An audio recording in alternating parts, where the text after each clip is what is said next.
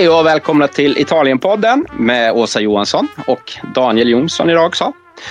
Eh, det börjar bli dags för nyår så att vi ska passa på att prata lite om bubbel, tänkte vi. Italienskt bubbel. Och för de flesta så är det väl säkert så att eh, när man tänker på italienskt bubbel så är det prosecco. Det ska vi såklart prata om, men vi tänkte prata om lite fler sorter, eller hur Åsa? Ja, precis. Alltså, det finns ju mer bubbel i, i Italien än prosecco. Så att, eh, vi, vi ska väl göra någon slags översikt över de här andra områdena som man också kan spana in för att få någonting annorlunda. Grymt. Men det, jag tänker så här, vi, vi drar igång. Jag tycker vi börjar lite med proseccon och sen så går vi vidare. Håller det, håller det ganska kort, en liten introduktion och så, så ger vi en, liksom, en liten överblick över lite annat att välja på till nyår till exempel. Ja, precis. Men brukar du dricka prosecco, Daniel? Alltså, för mig är det ju så att jag är ju en av dem som för mig är italiensk bubbel ganska synonymt med prosecco, ska jag ärligt säga. Så det här, det här ska bli jättekul för mig också. Ja. Eh, så att eh, det, det, ska bli spännande. Men det är väl som de flesta, det är liksom, champagne har ju något slags övertag när det gäller fint bubbel tror jag bland gemene man om man inte har det stora intresset. Så, mm. Eh, så att Nej, men det, det, här ska bli jättespännande, men jag tycker vi drar igång så. Vi, va, prosecco, då ska vi till Veneto, va? eller vad ska vi då? Ja, precis. Gud vad bra ditt uttal har blivit nu. På, du menar mitt uttal på italienska? Ja. ja, det har blivit bättre under de här åren. Vi har pratat så mycket. Ja, men verkligen. Alla ja. säger ju Veneto, så att Veneto, då får man Ja, men då, ja, men då börjar jag börjar bli mer proffsig helt enkelt. Ja, nej men precis. Prosecco görs i, i Veneto och det har ju eh, blivit en dundersuccé verkligen. Det, varje år så, så, så skriver vi journalister så här, i år kommer bubblan spricka. Så här, det kan inte hålla. Men, eh, men det håller. Eh, bubblan spricker inte och produktionen och exporten det bara ökar, ökar, ökar. Det, liksom, suget efter prosecco verkar, verkar aldrig ta slut. Eh, och det kan ni förstå på ett sätt. Det är ju billigt eh, jämfört med många andra mousserande viner. Eh, ganska enkelt. eh, liksom fruktigt och, och, trevligt och man behöver inte lägga så stor fokus på det. Det är bara festligt och gott. Ehm, så jag tror det är där proseccos ehm, styrka ligger. Ehm, så, så jag, jag, bara tog fram lite siffror här nu inför det här eh, avsnittet. Hur många flaskor tror du att man gjorde förra året av prosecco? Oh, ingen aning. Kan du ge mig en fingervisning? Vad pratar vi för liksom? Vi pratar, vi pratar hundratals miljoner flaskor. Hundratals miljoner. Mm. Eh, för, förra året gjorde man 500 miljoner flaskor. Nästan 600 miljoner. Ja, det är galet mycket. Alltså det, är, ja, det är verkligen galet mycket och 80 procent av dem eh, går på export. Eh, så det är speciellt i utlandet som man, eh, alltså utanför Italien som man verkligen älskar eh, prosecco. Ehm, hur, hur, vad, vad, tycker man, eh, men du säger utanför Italien, är det li, inte lika liksom, populärt i Italien som, som i övriga eh, världen? Eller? Alltså det, italienarna dissar prosecco lite grann. Eh, det, det ses som eh, lite så enkelt som man får på vilken bar som helst. Ofta så Um, om man går in på så en vanlig bar i Italien så är de så här, vill du ha en prosecchino, en liten prosecco? De liksom specif specificerar inte vad det är för typ av prosecco, um, vilken gård det kommer ifrån och så vidare. Utan det är liksom, vill du ha ett litet glas bubbel ungefär? Um, så kan man lite mer om vin och vill ha någonting lite bättre, då dricker man inte prosecco. Um, och det uh, är ju inte alltid uh, okej, okay, tycker jag. Uh, för det finns ju faktiskt god prosecco också. Mm. Om man tar det för vad det är, liksom inte har så höga förväntningar på det ofta. Ehm, men, men, men det görs ju i, i nord, nordöstra eh, Veneto. Och det är en jättestor areal, det är 24 000 hektar med eh, odlingar eh, av den här druvan Glera som druvan heter som man gör för prosecco. Eh, och sen så skillnaden om man jämför till exempel med champagne eller med cremant så sker ju den här andra jäsningen för att få bubblor i vinet. Det sker ju på trycktank som är en billigare metod. Ehm, när man gör champagne så sker den här andra jäsningen på flaska. Det är liksom dyrare och mer komplicerat och mer eh, tidskrävande. Ehm, Just det. Hur lång tid pratar vi om när du säger mer tidskrävande? Liksom när man gör den här jäsningen på trycktank, hur mycket snabbare går det liksom att producera prosecco till exempel champagne? Då? Alltså det går ju bara på ett par månader. Ah, okay. mm. Så att efter tre månader är det liksom klart. Ja, just det. Ehm, prosecco. Mm. Och, och, sen så fick man ju en ny skjuts framåt också. För nyligen så släppte man ju också en roséversion av prosecco. Um, som också har blivit en dundersuccé. Just uh. Men du, jag tänker så här, prosecco känner de flesta till och prosecco tror jag vi skulle kunna göra ett helt avsnitt om, liksom prata om bra prosecco, prata om hur det har blivit den framgången det har blivit och så där. Det måste finnas massa spännande eh, om det. Men jag tänker att vi hoppar vidare på något som kanske inte så många känner till på en gång, eller vad säger du? Ja, absolut. Då ska vi dra oss eh, västerut till eh, Lombardiet. För där gör man eh, ett mousserande vin som heter Franciacorta. Eh, det, det, är ett mindre område, det är bara 3000 ja. hektar så det är mycket, mycket mindre jämfört med Prosecco. Eh, och eh, ehm, det startades, alltså fram till 1961 så gjorde man röda viner i, ehm, i Franciacorta men så eh, var den här gården eh, Berlucchi eh, som fick för sig att de skulle göra ett mousserande vin 1961 eh, på eh, Pinot Noir och Chardonnay och så får man även ha i lite mm, Pinot Bianco, Pinot Blanche mm. eh, i, i vinet. Och då gör de precis som i champagne med den här andra jäsningen på, på, på flaska. Så att vinerna blir ju, det tar längre tid att göra, mer tidskrävande och så vidare men det blir också mer komplexa Just det. Eh, viner. Då får man ju inte bara liksom frukten från... Eh, eh, det är inte bara fruktdrivet utan man får med de här lite gästiga tonerna och så brukar man ju säga att det doftar lite så rostat bröd eller croissant. Mm, mm, mm. just det. Eh, just för att vinerna får ligga ganska länge på gästfällningen och det är den här gästfällningen som gör aromer och smak mer komplexa.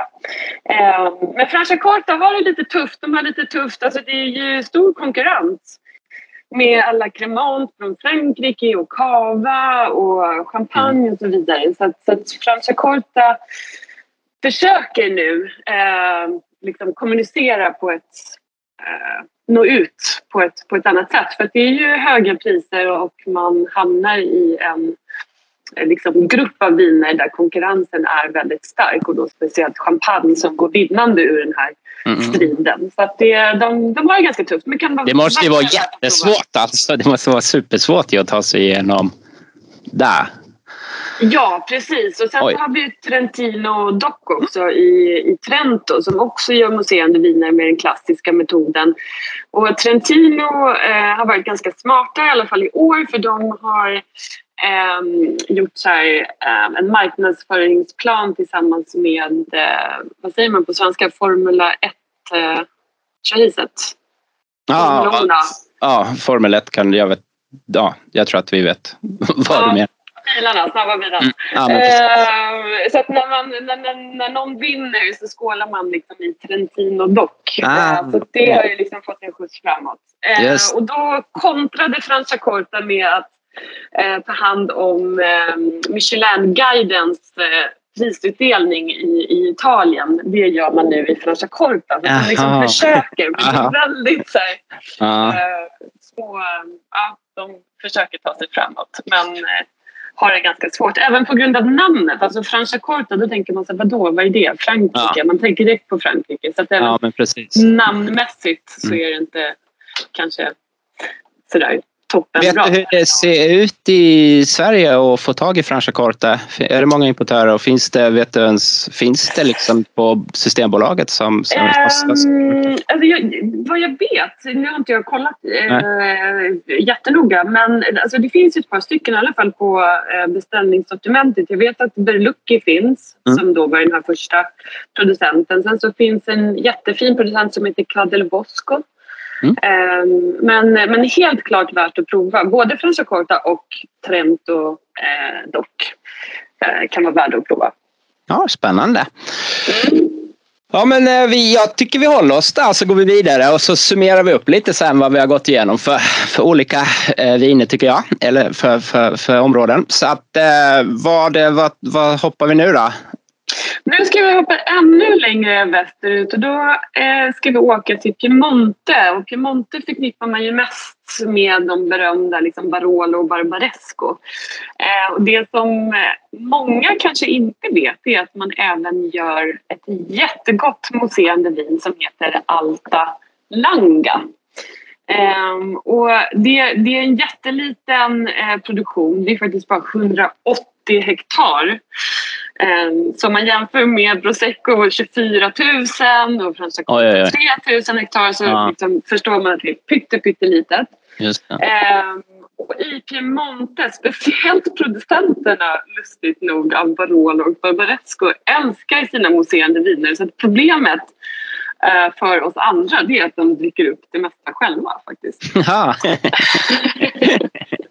um, och då, det här området Alta Langa det ligger um, söder om, um, om Asti så det ligger väldigt nära Barolo och Barbaresco. Uh, det är höga höjder, så mycket vildare än Barolo och Barbaresco. Uh, och så är det Pinot Noir och Chardonnay och så måste man lagra Eh, vinet måste lagras 30 månader på gästfällningen så det är lång ah, okay. Så det är komplexa, komplexa mm. fina viner. Får man tag på en sån flaska, ta den.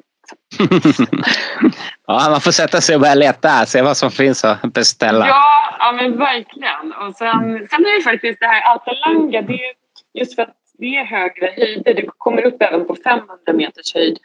Um, så nu har jag faktiskt fått höra också att Barolo Barbaresco-producenter köper mark där. Marken är billigare um, mm. och på grund av så klimatförändringar så planterar man nu Nebbiolo där.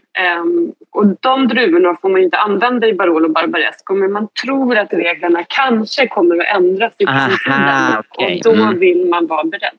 Just. För druvor från högre höjd får ju så här syrlighet och, och mm. drar inte på sig så mycket socker så det kommer ja. behövas i framtiden.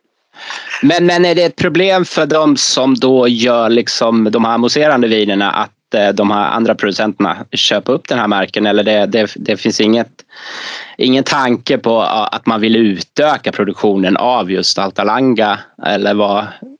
Det finns ingen konflikt i det här att de köper upp mark på högre höjder och sådär? Jo, det finns det säkert. Ja. Uh, men det är ofta samma producenter som, uh, som gör båda. Så de ja. delar, nog, delar nog upp det där.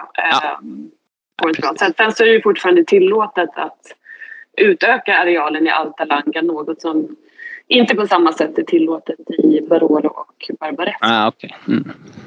Så. Ja, spännande, det vill man ju prova. Vad, vad har vi mer då? Mer bubbel från Italien? Oh, sen finns det ju en uppstickare som är Etna. Um, men du, ni brukar väl också, eller du brukar väl också dricka viner från Etna? De ja, ja det jag del, absolut. Uh, men vi har inte prövat mousserande faktiskt. Så det...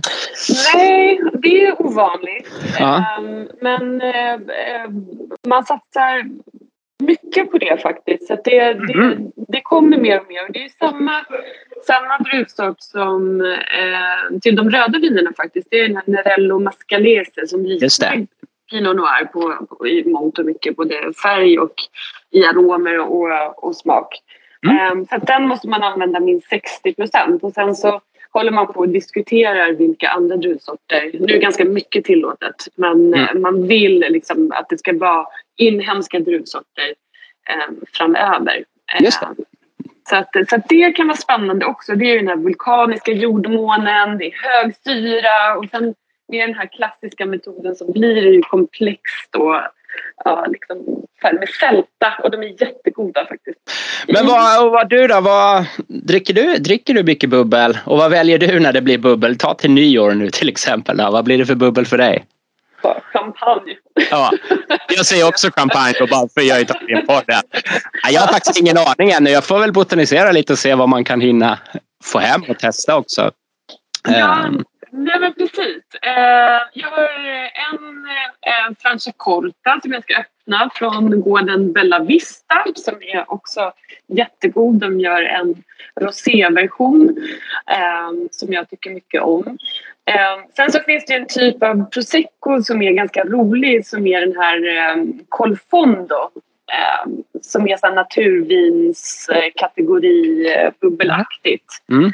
Eh, och då buteljerar man ju vinet när eh, inte allt socker är utjäst och så sätter man på som en ölkapsyl och så får eh, sockret jäsa ut i flaskan. Och då blir det liksom en lätt mousse eh, i, eh, i vinet. Och så blir jästfällningarna kvar i flaskan. Um, och då man riktig, om man är så här riktig hardcore venet och Eh, då skakar man om flaskan innan man dricker den så att vinet liksom är lite grumligt. Och det ja. smakar nästan lite så cideraktigt. Jaha. Så det är gott faktiskt till charkuterier när man börjar ja. med det. det är lite en, eh, har man eh, ja, någon sån lite alternativ person hemma och, eller lite yngre familjemedlemmar då kan det vara kul att, att öppna en sån också. Ja, häftigt. Ja men du, jag tycka att det, vi ska inte bli så långrandiga nu ja. Eh, så jag tycker det var ganska bra liksom. Inblick eller utblick hur du ska se det på att få, få lite eh, höra om något annat än prosecco när det gäller Italien och bubbel.